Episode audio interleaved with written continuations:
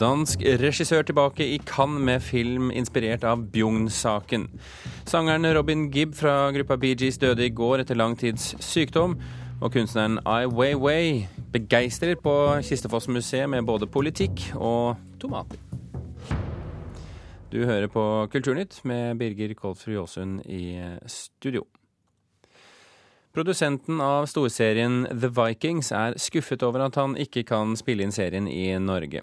Morgan O'Sullivan, som tidligere har produsert The Tudors, ville bruke norske fjorder for å sette vikingene inn i det rette miljøet, men han har ikke lykkes å få noen økonomiske støttespillere her til lands. Look what they've done, John. Just look. We will fight and we will die! Produsentene bak den påkostede serien The Tudors arbeider nå med et nytt historisk TV-drama, The Vikings, som, ja, ganske riktig tar for seg vikingtida. Og hva ville vel da være mer naturlig enn å spille inn serien i Norge, tenkte produsent Morgan O'Sullivan. In order to get the atmosphere and reflect the actual look of the Viking environment was to photograph it, particularly in the fjords of Norway. O'Sullivan ville gi The Vikings den rette atmosfæren ved å spille inn noen av scenene i fjorder på Vestlandet, der ekte vikinger en gang herjet. Men planene har gått i vasken. Storserien med et budsjett på 400 millioner kroner lyktes ikke med å finne økonomiske støttespillere i Norge, og må derfor se etter passende vikinglandskap i andre land. So I'm kind of disappointed, if you will, Uh, the fact that we, we are not going there now. Det er ikke sånn at de ikke får sove om natten, men det er klart det hadde jo vært kjekt å få et slikt prosjekt til Norge. Sier Eldar Nakken i bergensselskapet Media Circus Drama, som var tiltenkt en rolle som medprodusent på The Vikings. Vi søkte jo Filmfondet her, og i, i utgangspunktet så var det jo ikke anledning for TV-serier å søke om koproduksjonsstøtte, men det fikk vi da lov til som første søker, tror jeg. Men søknaden ble avslått. Direktør for Norsk Filminstitutt, Nina Refseth, forklarer hvorfor. Når vi skal gi penger til samproduksjoner, så legger vi vekt på hvor stor norsk andel den har, hvor reell samproduksjon er. Altså at norske arbeidere, filmarbeidere er med på produksjonen og reelt får et utbytte av den. Og vi har mange søknader, og denne fikk da ikke særlig uttelling som reell norsk samproduksjon. Det betyr at den hadde en lav norsk andel og nådde rett og slett ikke opp. Når Eldar Nakken i Mediasirkus Drama heller ikke klarte å få med reiselivsoperatører eller norske TV-kanaler på et spleiselag, gikk det som det gikk. Og da blåses det fort liv i en gammel debatt. En insentivordning ville vært det riktige å møte et sånn type prosjekt med.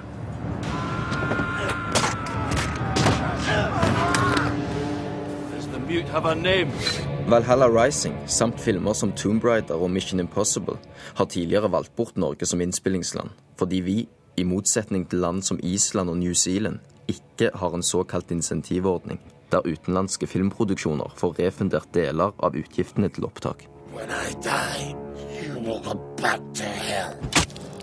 Kulturdepartementet har etter en høringsrunde kommet frem til at de heller ikke i fremtiden ønsker å innføre en slik refusjonsordning for å lokke utenlandske filmskapere til Norge. Light, ifølge Eldar Nakken, som mener at vi som nasjon taper på at produksjoner som The Vikings velger å legge innspillingen til andre land. Det som vi kunne tjent på dette, er jo alle de pengene en sånn produksjon legger igjen i regionen. Og kanskje også all eh, den filmproduksjonskompetansen en sånn produksjon legger igjen i regionen. Og også den reklamen for en flott region. Produsent for The Vikings, Morgan O'Sullivan, har forståelse for at Norge har et annet filmfinansieringssystem enn mange andre land. Like fullt syns han det er trist at han ikke får spilt inn scener til serien på Vestlandet. En mager trøst er at det takket være moderne teknologi kan bli noen innklippsbilder av norsk natur likevel.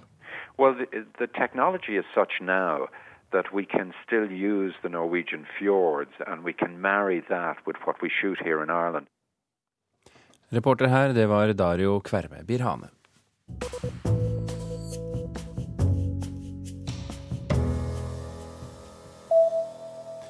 Den 20 år gamle Bjugn-saken om påståtte seksuelle overgrep mot barnehagebarn, den eh, er én en av flere saker som inspirerte danske Thomas Winterbergs nye film 'Jakten'. Winterberg slo igjennom i Cannes med filmen 'Festen' i 1998. Nå er han tilbake på festivalen med nok en kontroversiell film. Der er visst noe galt her.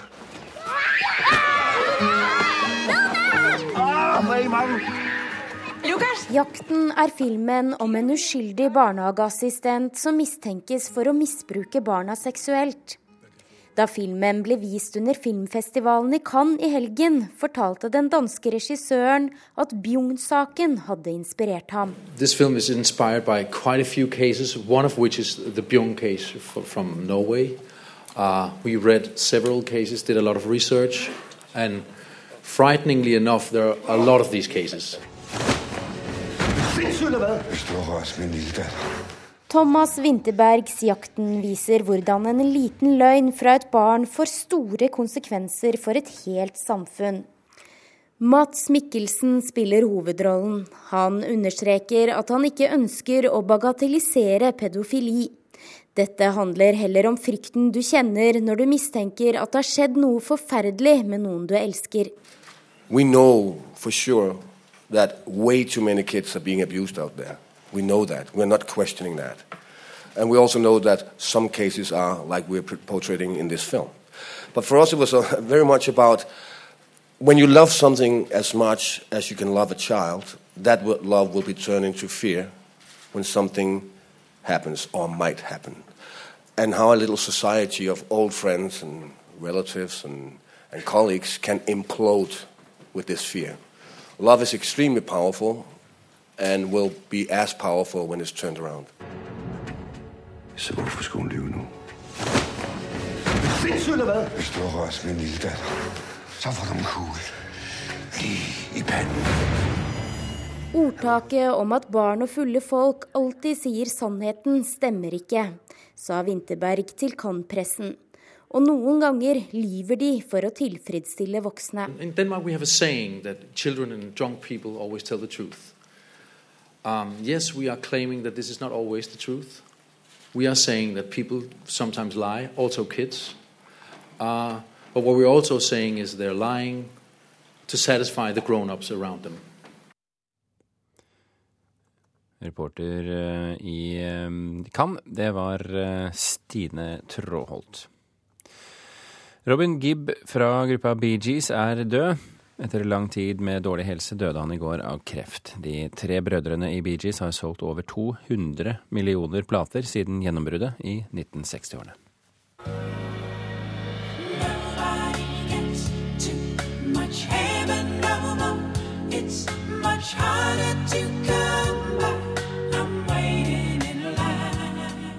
Too Much Heaven sang Bee Gees i 1979. I går mistet gruppa et medlem. Robin Gibb døde på et sykehus i London etter flere år med alvorlige helseproblemer og kamp mot tarm- og leverkreft. Robin Gibb ble bare 62 år gammel.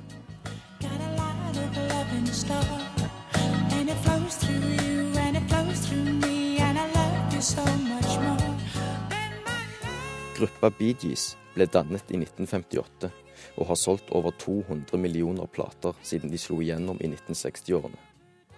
I britisk sammenheng er det bare Beatles som overgår den kommersielle suksessen til de tre brødrene med falsettstemmer.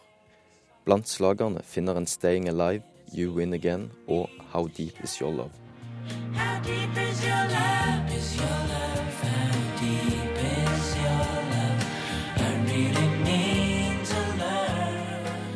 Robins tvillingbror Maurice døde som en følge av magekomplikasjoner i 2003 og storebror Barry Gibb er nå det eneste gjenlevende medlemmet av Bee Gees.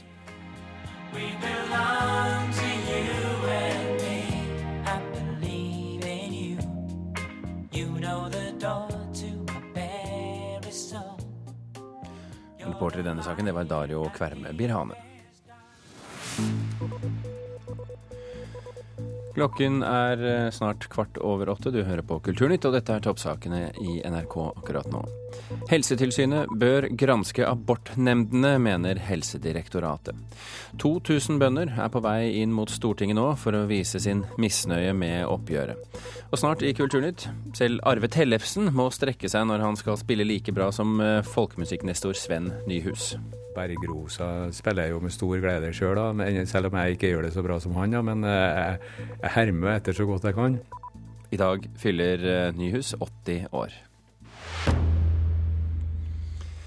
Den kinesiske kunstneren Ai Weiwei har provosert myndighetene i hjemlandet så mye med sin kunst at han ikke får forlate Kina. Han kunne derfor ikke være til stede da hans første utstilling i Norge åpnet på Kistefoss-museet i Oppland i går. Men om han provoserer hjemme i Kina, så begeistrer han her i Norge. Det er veldig interessant, altså. Ja, det er det. Det er veldig, veldig annerledes.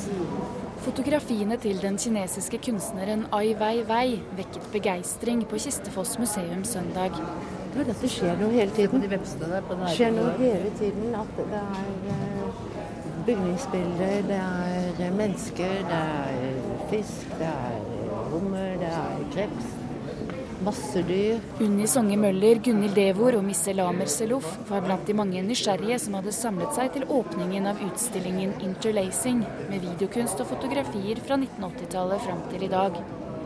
Der var også milliardær og kunstsamler Petter Olsen. Det lille jeg har sett og fotografert, eh, tyder på at det er en person som tenker over hva som er i ferd med å skje med Kina, og kanskje resten av verden. Så det er tankevekkende, meget tankevekkende og veldig flott at eh, Kistefoss har fått ham, akkurat han hit som en oppfølging til fredsprisen til en annen dissident for noen år siden. Det er første gang Ai Weiwei stiller ut i Norge. Og kurator for utstillingen Urs Stahel mener de gamle industrilokalene på Jevnaker kler kunsten. I think he would love that place. I think he would love that raw industrial place. Uh, because he also uses warehouses, uh, that, that kind in, in China. He would really like it. Mange av bildene er tydelig politiske, som f.eks. dokumentasjonen av nedriving og bygging i Kina, sier Ai Weiweis assistent Lucas Lai. Kina er svært annerledes enn Norge, og det vil være interessant for nordmenn å bli kjent med forholdene i Kina gjennom utstillingen, tror Lai. China is such a different reality than Norway, and I think that it will be extremely interesting for uh, people to see this exhibition and see the the realities of China because that's really what this show is about. You know, it's mostly about the situation in China and exposing that to the world. Men selv om den er politisk, er det mange hverdagslige scener i utstillingen. De tomatene med mintblader på, ikke sant? det er helt utrolig. Det er en tomat å ta bilde av, den du aldri gjort eller, eller to speil inntil ja, hverandre. Det er, det, er. Det kunst i en tomat. Med reporter her, det var Ida Kvittingen. Og utstillingen Interlace kan du se på Kistefossmuseet på Jevnaker helt frem til 7. oktober i år. Kunstanmelder her i NRK, Mona Palle Bjerke. Hva slags ting lager egentlig Ai Weiwei? Ja, Mange har jo et forhold til det prosjektet han lagde for Tate Modern i eh, 2010. Hvor han fylte hele turbinhallen med disse eh, solsikkefrøene lagd i porselen, som var håndmalt av kinesiske kunstnere. Det var 100 millioner solsikkefrø da i naturlig størrelse, som han tråkket oppå. Og dette var jo da, ikke sant, hvert enkelt frø var unikt eh, malt. Og her ut, utforsker han jo forholdet mellom den mange eh, tusenårige håndverkstradisjonen i Kina Kina og fabrikkarbeidet i Kina. Dette, og F.eks. hva vi får tenke på når vi sier 'made in China'. da. Men, men, hva er det som vises på Kistefoss-museet? Det er en overveldende opplevelse å gå inn i de gamle industrihallene her. For her er jo veggene liksom nærmest tapetsert med fotografier. Det er eh, over 400 arbeider. Alt fra snapshots-fotografier tatt med mobilkamera til store fotografier i gigantformat, også fotomontasjer og videoer da som er med skjermer felt inn i eh, montasjene. Så det er veldig, veldig sterkt visuelt. Så det er veldig, veldig mye forskjellig. Men eh, hva syns du om denne utstillingen? Jeg tenker først skal jeg nevne noen konkrete verk. Eh, det var jo eh, Blant annet ser vi et triptikon, altså et tredelt, en fotoserie på tre bilder, hvor han knuser en 2000 år gammel vase fra Han-dynastiet. Og det er jo en av hans beryktede mm, aksjoner. I tillegg så er det en fotokollasj som fascinerte meg veldig, som heter Fairytale, altså eventyr. Og det er et um, fotografisk verk som springer ut av et prosjekt han gjorde for Documenta i Kassel i 2007, der han inviterte 1001 mennesker til å komme til Kassel og tilbringe noen dager der. Eh, 1001 natt er jo referansen her. Og så skulle han skape et eventyr for disse menneskene. Hele prosjektet favner jo prosessen med å skaffe pass, visum, som selvfølgelig er krevende i Kina, og gi dem en mulighet til å reise, noe de ellers ikke ville fått. da. Han er ikke veldig redd for store dimensjoner, denne mannen? Absolutt ikke. Og han er jo altså, helt uredd i sin ofte krasse kritikk. Han er jo blitt en av de krasseste kritikerne av de kinesiske myndighetene. Så til spørsmålet. Hva ja. syns du egentlig om utstillingen? Ja, jeg syns jo det er en helt mektig opplevelse. Både estetisk og så er veldig igangsettende intellektuelt. Det er veldig utfordrende.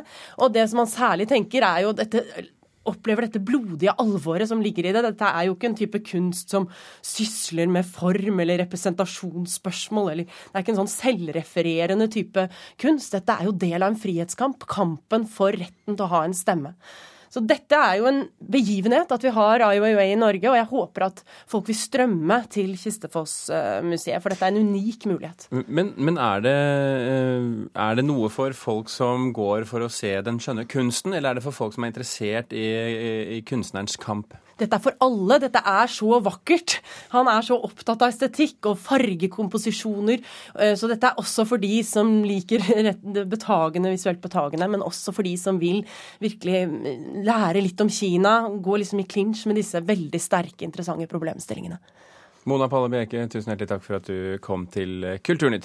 Vi skal fra en eh, stor mann til en annen, eh, men dette handler ikke lenger om kunst, men om musikk. For folkemusikknestor Sven Nyhus har spilt opp til gammeldans på grendehus landet rundt med turneer i 40 år, og ble i 1990 Norges første professor i folkemusikk.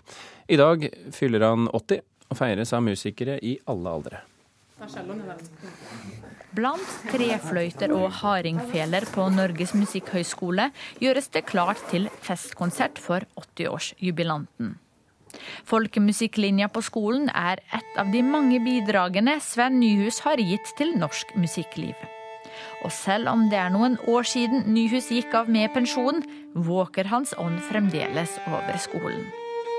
22 år gamle Bjørn Kåre Edde hadde nok blitt noe helt annet enn musiker, hadde det ikke vært for tilbudet ved NMH. Sven Nyhus er jo en person som uh, egentlig alle har et, et, eller annet, et, eller annet, forhold til. Jeg husker altså, foreldre, besteforeldre hjemme i Lom. da, At en Sven har vært her og gjort opptak. Og, og så har jeg hørt dette sida i parkivet. 40 år med turnering med Sven Nyhus kvartett har vært en gave til danseglade på grendahus landet rundt. Og gjort mye for bevaringen av gammeldansmusikken. Annbjørg Lien er en av mange felespillere som har blitt inspirert av engasjementet til Nyhus, og vokst opp med å høre kvartetten hans på radio. Sven Nyhus har uh, vært en av de som har betydd mye for meg. Han var en av de første som uh, arrangerte komposisjonene sine for eh, orkester, Sven kvartett. Og de var veldig aktive. Og eh, jeg vokste opp i Mausteidvåg utenfor Ålesund og hørte da folkemusikken på radio. Og, og hørte heldigvis mye av Sven Nyhus. Nyhus er født i en musikerfamilie i Rørostraktene, og begynte i tidlig alder å samle inn og arrangere slåtter for Spelemannslaget. Så bar det til Oslo, hvor han i nesten 20 år var en klassisk utøver, og bl.a. solobartist i flere av byens symfoniorkestre. Arve Tellefsen minnes flere felles konserter. Og har hatt noen gledelige og fantastiske opplevelser sammen på musikkfronten. Vi har vært på turné sammen, og Bergrosa spiller jo med stor glede sjøl, selv om jeg ikke gjør det så bra som han. Men jeg, jeg hermer etter så godt jeg kan. Så hjertelig gratulerer med dagen, Sven. Etter et helt liv med folkemusikk er Nyhus selv mest fornøyd med innsamlingen, transkriberingen og utgivingen av slåtter. Men det at ungdom fra hele landet i dag ønsker å spille folkemusikk på Musikkhøgskolen, er heller ikke å forakte. At dette skulle liksom fenge ungdommen i så stor grad som det har gjort, det var vel ingen som drømte om. Og i dag kan du like godt være født i, av foreldre i, på Frogner eller uh, i Drammen og, og, spille slåtter. Det var jo ikke noen Det skjedde jo ikke før. Det var jo i de familiene der det var folkemusikk langt ute på bygdene, at det var en og annen som begynte. Men alt er ikke såre vel med folkemusikken i dag. Etter at Nyhus i 1988 forsvant fra NRK, hvor han i ti år hadde ledet folkemusikkavdelingen, har gammeldansen blitt tatt av lufta. Og selv om det er fint at ungdommen faller for folkemusikk, syns han ikke at det er helt uproblematisk når man rocker opp tradisjonsmusikken. Kanskje noen rocker den opp litt, og jeg er jo av og til litt redd for at det kanskje går såpass langt at det genuine blir, blir borte. Og Du hørte til slutt her Sven Nyhus til reporter Sofia Paskiewicz.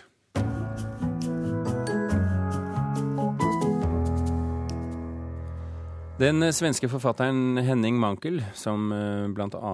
har skrevet kriminalbokserien om Kurt Wallander, han har solgt over 30 millioner bøker.